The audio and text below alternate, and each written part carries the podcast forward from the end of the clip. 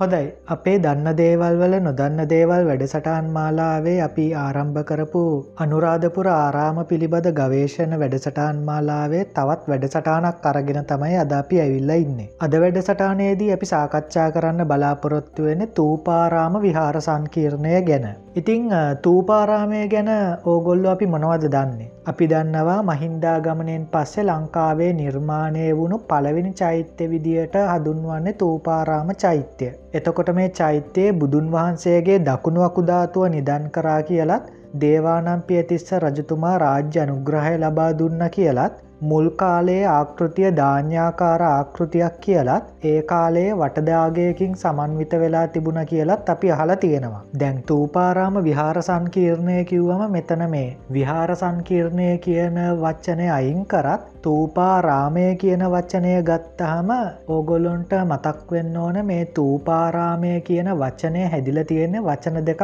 එකට එකතු වෙලා. මේ තූපාරාමය කියන වචනය දෙකට කැඩුවොත් නැත්නම් විකණ්ඩනය කරොත් අපි අපිට එන්නේ තූප කියන වචනයයි ආරාමය කියන වචනයයි.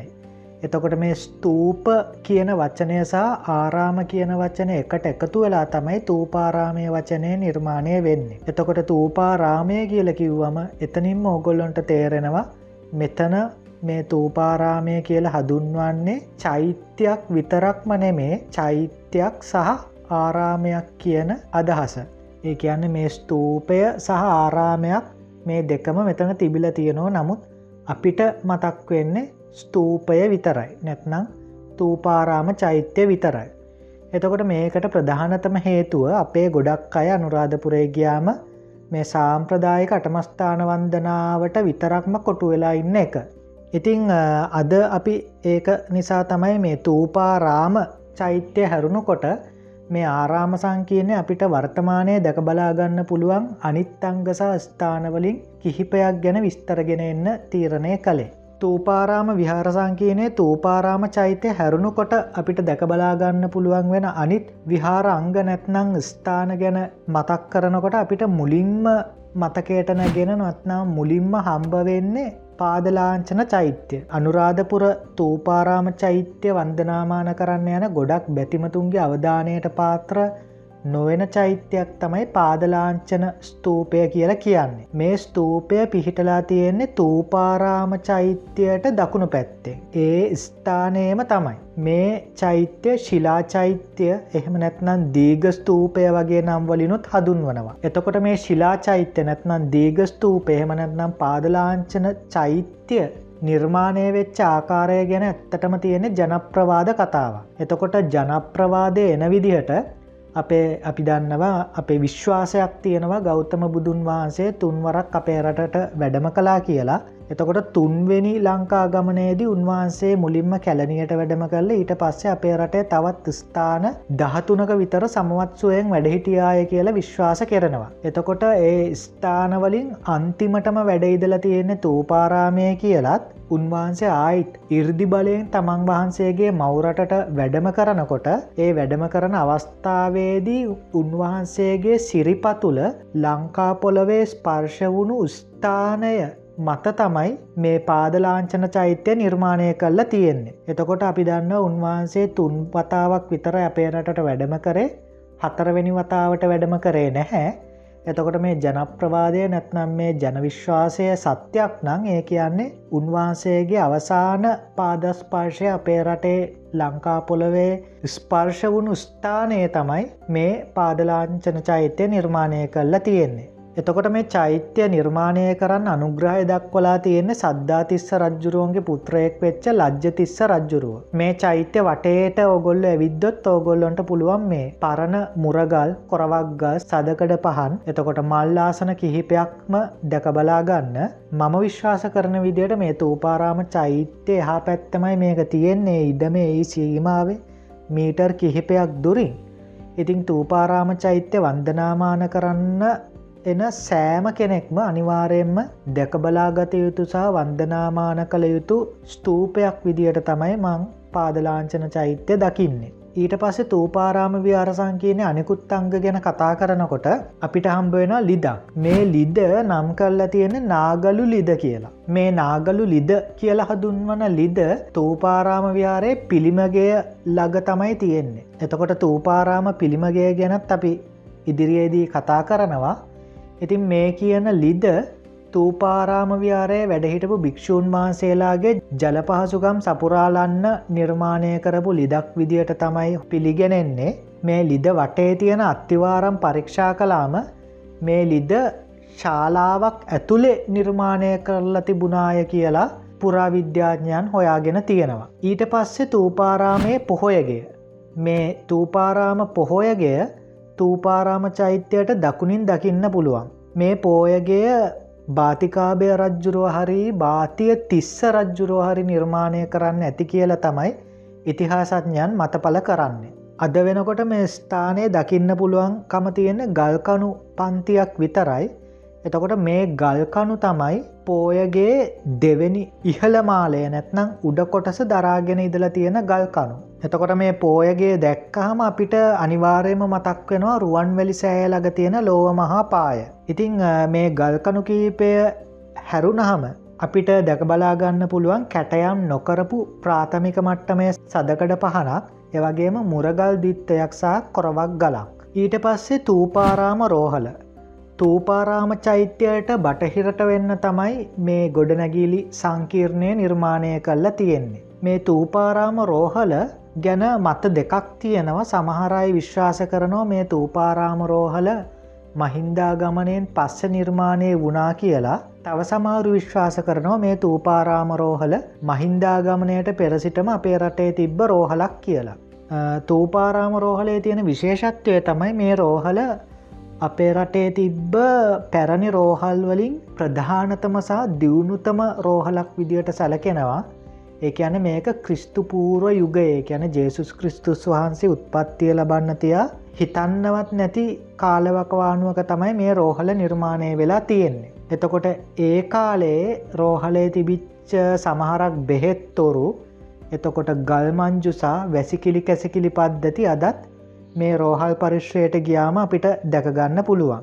එතකොට මේ රෝහලේ අත්තිවාරම් කොටස් අපිට දැකගන්න පුළුවන් මෙව පරීක්ෂා කරාම අපිට පේනවා මේ රෝහල කාමර කාමර නැත්නම් කොටස් කොටස් වලට බෙදල බෙදල බෙදල තමයි තිබිල තියෙන්නේ. එවගේම තව විශේෂ යමක් කියනවන පුරාවිද්‍යා කැනීම් වලින් ලෝහමය පිහිතල වගේ දේවල් හොයාගෙන තියෙනවා මේ රෝහලෙන් ඉතිං ඒකෙන් ඔප්පු වෙලා තියෙනවා මේ ක්‍රිස්තුපූර්වයුගේ අපේ රටේ තිබිච්ච වෛද්‍ය ශේෂත්‍රයේ දියුණුවය කියන්නේ ශල්්‍ය කර්ම හිටන් නැත්නම් අපි කියන සර්ජරීස් කියලා.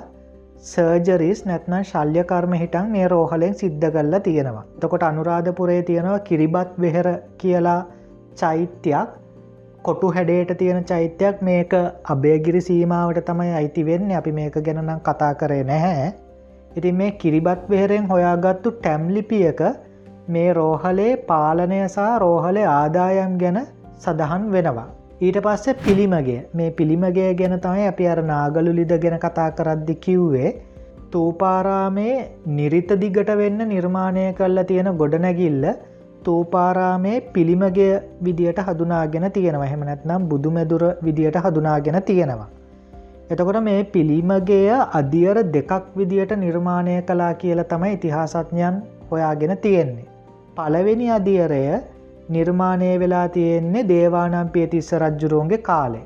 එතකොට සමහරක් අය මේ ස්ථානය තූපාරාමය දළදා මන්දිරය විදියටත් හදුන්වන්න පෙළබිලා තියෙනවා නමුත් මේක තූපාරාමය පිළිමගේ මිසක් දළදා මන්දිරය නෙවේ දළදා මන්දිරය විදියට හැදින්වීම වැරදි මතයක්. එතකොට ඒකටත් පොඩි කතාවක් තියෙනවා අපේ රටේ ඩම් වික්‍රමසිංහමාත්මය සෙල්ලිපි විශේෂඥයෙක් විදියට ප්‍රකටයි එතුමා විදේශගත වෙලා ඉන්නකොට එතුමාගේ පහළ හිටපු නිලධාරීන් පිරිසක් අනුරාධපුරේ ඇතුළු නුවර තියෙන දළදාමාලිගාවෙන් හොයාගත්තු සෙල්ලිපියක් පිටපත් කරලා එතුමාට යවල තියෙනවා. එතකොට අපි ඉදිරි වැඩසටානකදී අනුරාධපුරේ ඇතුළු නුවර තියෙන දළදාමාලිගාව ඇතුළුව ඒ කැන ලංකාවේ පළවෙනි දළදාමාලිගාව ඇතුළුව අනුරාධපුරයේ ඇතුළුනුවර දකින්න තියෙන අංග ගැනත් අපි ගෙනෙනවා මේ අනුරාධපුර ඇතුළුනුවර දළදාමාලිගාවෙන් හොයාගත්තු සෙල්ලිපියක් මේ විදියට පිටපත් කල්ල එතුමාට යවල තියෙනවා එතකොට එතුමා විදේශගත වෙලා තම ඉදල තියෙන්නේ. එතකොට එහෙම යවනකොට වැරදීමකින් අනුරාධපුරේ ඇතුළුනුවරින් හොයාගත්තු සෙල්ලිපියක පිටපතක් කියල යවනවා වෙනුවට තූපාරාමෙන් හොයාගත්තු සෙල්ලිපියක පිටපතක් කියල තමයි අවල තියෙන්නේ. ඉතින් ඒ සෙල්ලිපියේ පිටපත කියවනකොට එතුමාට දළදා මාලිගාව කියලා වච්චනයක් අහු වෙලා තියෙනවා ඉතින් දළදා මාලිගාව කියන වච්චනය පරීක්ෂා කරපු වික්‍රමසිංහ මාත්මයා මේ ගොඩනැගිල්ල දළදා මාලිගාවක් විදියට තිබිල තියෙනවාය කියලා මතයක් පල කරනවා. දැන් එතුමාගේ පහලින් හිටපු නිලධාරීන් මේ ඇතුළු නුවරින් හම්බෙච්ච මේ සෙල්ලිපියේ පිටපත යවන්නේ තූපාරාමයෙන් හම්බෙච්ච සෙල්ලිපි පිටපතක් කියලා ඒ නිසා එතුමා මතය එළිදක්වන්නේ මේක තූපාරාමය දළදාමාලිගාවක් කියලා. හැබැයි පස්සෙතුමාට තේරෙනවා මේක වැරදීමක් මේක මේ ඇතුළු නුවරින් හොයාගත්තු සෙල්ලිපි පිටපතක් මිසක් මේ තූපාරාමයෙන් හොයාගත්තු සෙල්ලිපි පිටපතක් නෙවේ කියලා ඊට පස්සේ එතුමා එතුමාගේ මතය නිවැරදි කිරීමක් කරනවා. මේ තූපාරාමය දල්දාමාලිගාවක් නෙමේ. ඇතුළුනුවර දල්දාමාලිගාව තමයි මේ කියන්නේ. මේ ගොඩනැගිල්ල තියෙන අනුරාධපුරේ ඇතුළුනුවර ප්‍රදේශය කියලා. තූපාරාම විහාර සංකයන්නේ අවසාන අංගය විදියට මම ගෙනෙන්නේ සංගමිත්තා ස්තූපය. දැන් පාදලාංචන චෛත්‍ය වගේම තූපාරාමය වන්දනාමාන කරන්න එන ගොඩක් බැතිමතුන්ට මගෑරණ ස්ථානයක් තමයි සංගමිත්තා ස්තූපය පීටලා තියෙන ප්‍රදේශය. තූපාරාම චෛත්‍යයට ටිකක් බටහිරට වෙන්න තමයි තියෙන්නේ. එතකොට මේ තූපාරාම චෛත්‍යයට බටහිරින් හතරස් වේදිකාවක් උඩ පැරණි මල්ලාසන තුනක් සහ පඩිපෙලක් එක්ක තමයි මේ ස්තූපය නිර්මාණය කල්ල තියෙන්නේ මේ ස්තූපය උත්තිය රජ්ජුරුව නිර්මාණය කලා කියල තමයි පිළිගැනෙන්නේ. දැනට කල්ල තියෙන පුරාවිද්‍යාත්මක සොයා ගැනීම අනුව සංගමිත්තා මහරාත් තෙරණින් වහන්සේ පිරිනවන් පෑවයින් පස්සේ තෙරණින් වහන්සේගේ ශ්‍රීදේහය ආදාහනය කල්ල තියෙන මේ ස්ථානය.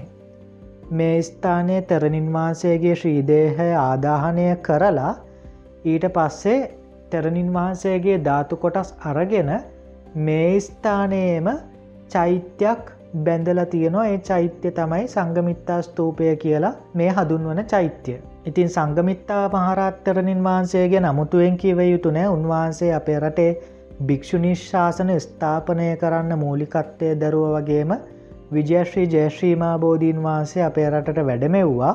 ඉතිං එහෙම ගත්තාම මේ ස්තූපය පුංචි ස්තූපයක් වුණත් අපේ රටේ තියෙන දසදහසක් වූ ස්තූපාතරින් විශේෂිත ස්තූපයක් වෙනවා. එතකොට ලංකාවේ භික්‍ෂුණී ශාසන ස්ථාපනය කිරීමත් එක්කම තූපාරාම විහාර සංකීර්ණ භූමිය භික්‍ෂූණීන් වහන්සේලාගේ ආරාම භූමියක් වුණා කියලා සමාරක් ඉතිහාසඥයන් මත පල කරනවා. එතකොට සංගමිත්තා ස්තූපයත් මේ තූපා රාමසීමාවේම නිර්මාණය කල්ල තිබීම ඒ මතය තවදුරටත් තීව්‍ර කරනවා.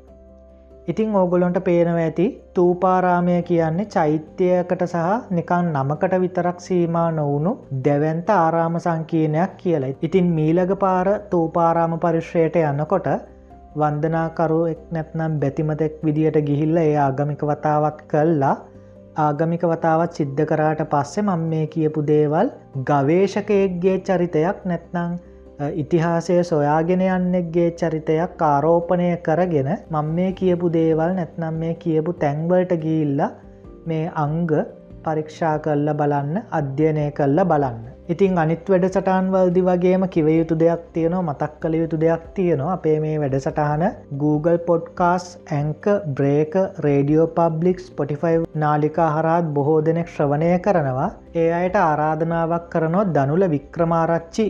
කියන මගේ YouTube චැනල් එකට ඇවිල්ලා මේ වැඩසටාන හොයාගෙන YouTube එක හරත් නරබන්න කියලා. මොකද මේ වැඩසටාන පුරාවටම ඒ ඒ අංග ගැන ඡායාරූපත් මම ප්‍රදර්ශනය කර. වැඩසටාන හොදයි කියල හිතනවන ලයික් කරන්න උවමනාව තියෙන අය අතර ෂයා කරන්න සබස්ක්‍රයිබ් කරොත් ඕගොල්ලොන්ට පුළුවන් ඉදිරියේදී එන වැඩසටාන් ගැන දැනගන්න. ඉතිං තවත් දිගටම මේ අනුරාධපුරේ විහාර සංකීර්ණ සම්බන්ධව ගවේශනාත්මක වැඩසටාන් මාලාව පවත්වාගෙන යනවා.